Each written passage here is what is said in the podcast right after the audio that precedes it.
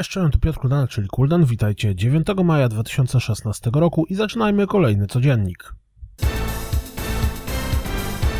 Po całym tygodniu oczekiwania pojawił się zwiastun nowej gry DICE, Battlefield 1, a internet wybuchł z radości. Gra dostępna będzie od 21 października. Downwell w listopadzie zadebiutował na Steamie i na tą chwilę ma ponad 1700 przytłaczająco pozytywnych recenzji w serwisie. Ze zwiastuna dowiedzieliśmy się, że gra zmierza również na PlayStation 4 i PlayStation Vita. Zwiastunem zapowiedziano Demon Gone, hardkorowe połączenie Metroidvanii z platformerem. Gra zmierza na Wii U i ma pojawić się latem. 26 maja premierę na Steamie będzie miał Robot Arena 3. Dostępny również na Steamie Perfect Universe pojawi się na PlayStation 4 17 maja. 12 maja pojawi się Alien Hunters, nowe DLC do XCOM 2. Konsolowa wersja Assetto Corsa zaliczy kolejną obsługę i pojawić się ma dopiero 26 sierpnia, a nie jak pierwotnie planowano 3 czerwca. Tydzień pozostał do końca zbiórki na planszówkę Dark Souls i jak na razie zebrano łącznie 2 miliony 300 tysięcy funtów. Ciekawe do jakiej kwoty dobije łącznie zbiórka.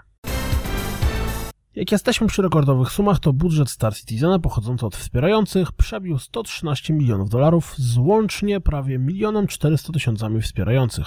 Mają rozmach.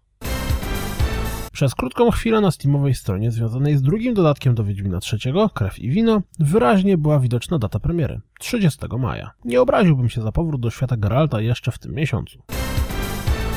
Kwietniu Nerdleaks sugerowali, że w produkcji znajduje się nowa gra o Spider-Manie, co więcej, mająca być ekskluzywem na PlayStation 4. Tym razem z CV Stevena Oigena, kaskadera specjalizującego się w motion capture, pojawił się zapis o Untitled Spider-Man PS4 Project. Naturalnie CV szybko zostało zdjęte, ale internet o niczym nie zapomina. Nadchodzący film zdaje się być dobrą okazją dla nowej gry z pajączkiem.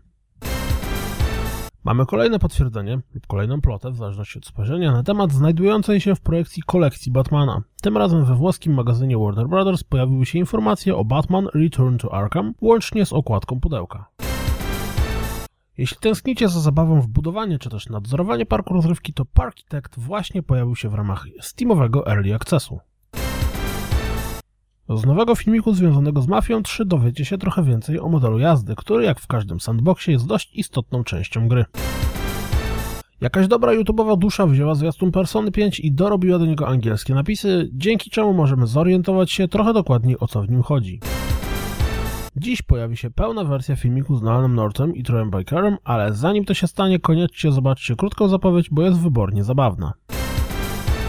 Jak możecie się spodziewać, po ogłoszeniu Battlefield 1 pojawiło się sporo wywiadów dotyczących szczegółów gry, tak jak chociażby podlinkowany przeze mnie wywiad dla VentureBeat, ale na wyróżnienie zasługuje również analiza zwiastuna, z której wynika, że jest on zaskakująco szczegółowy, jeśli chodzi o dozorowanie prawdy historycznej. Tak, łącznie z tym kolesiem w zbroi. Sprawdźcie sami.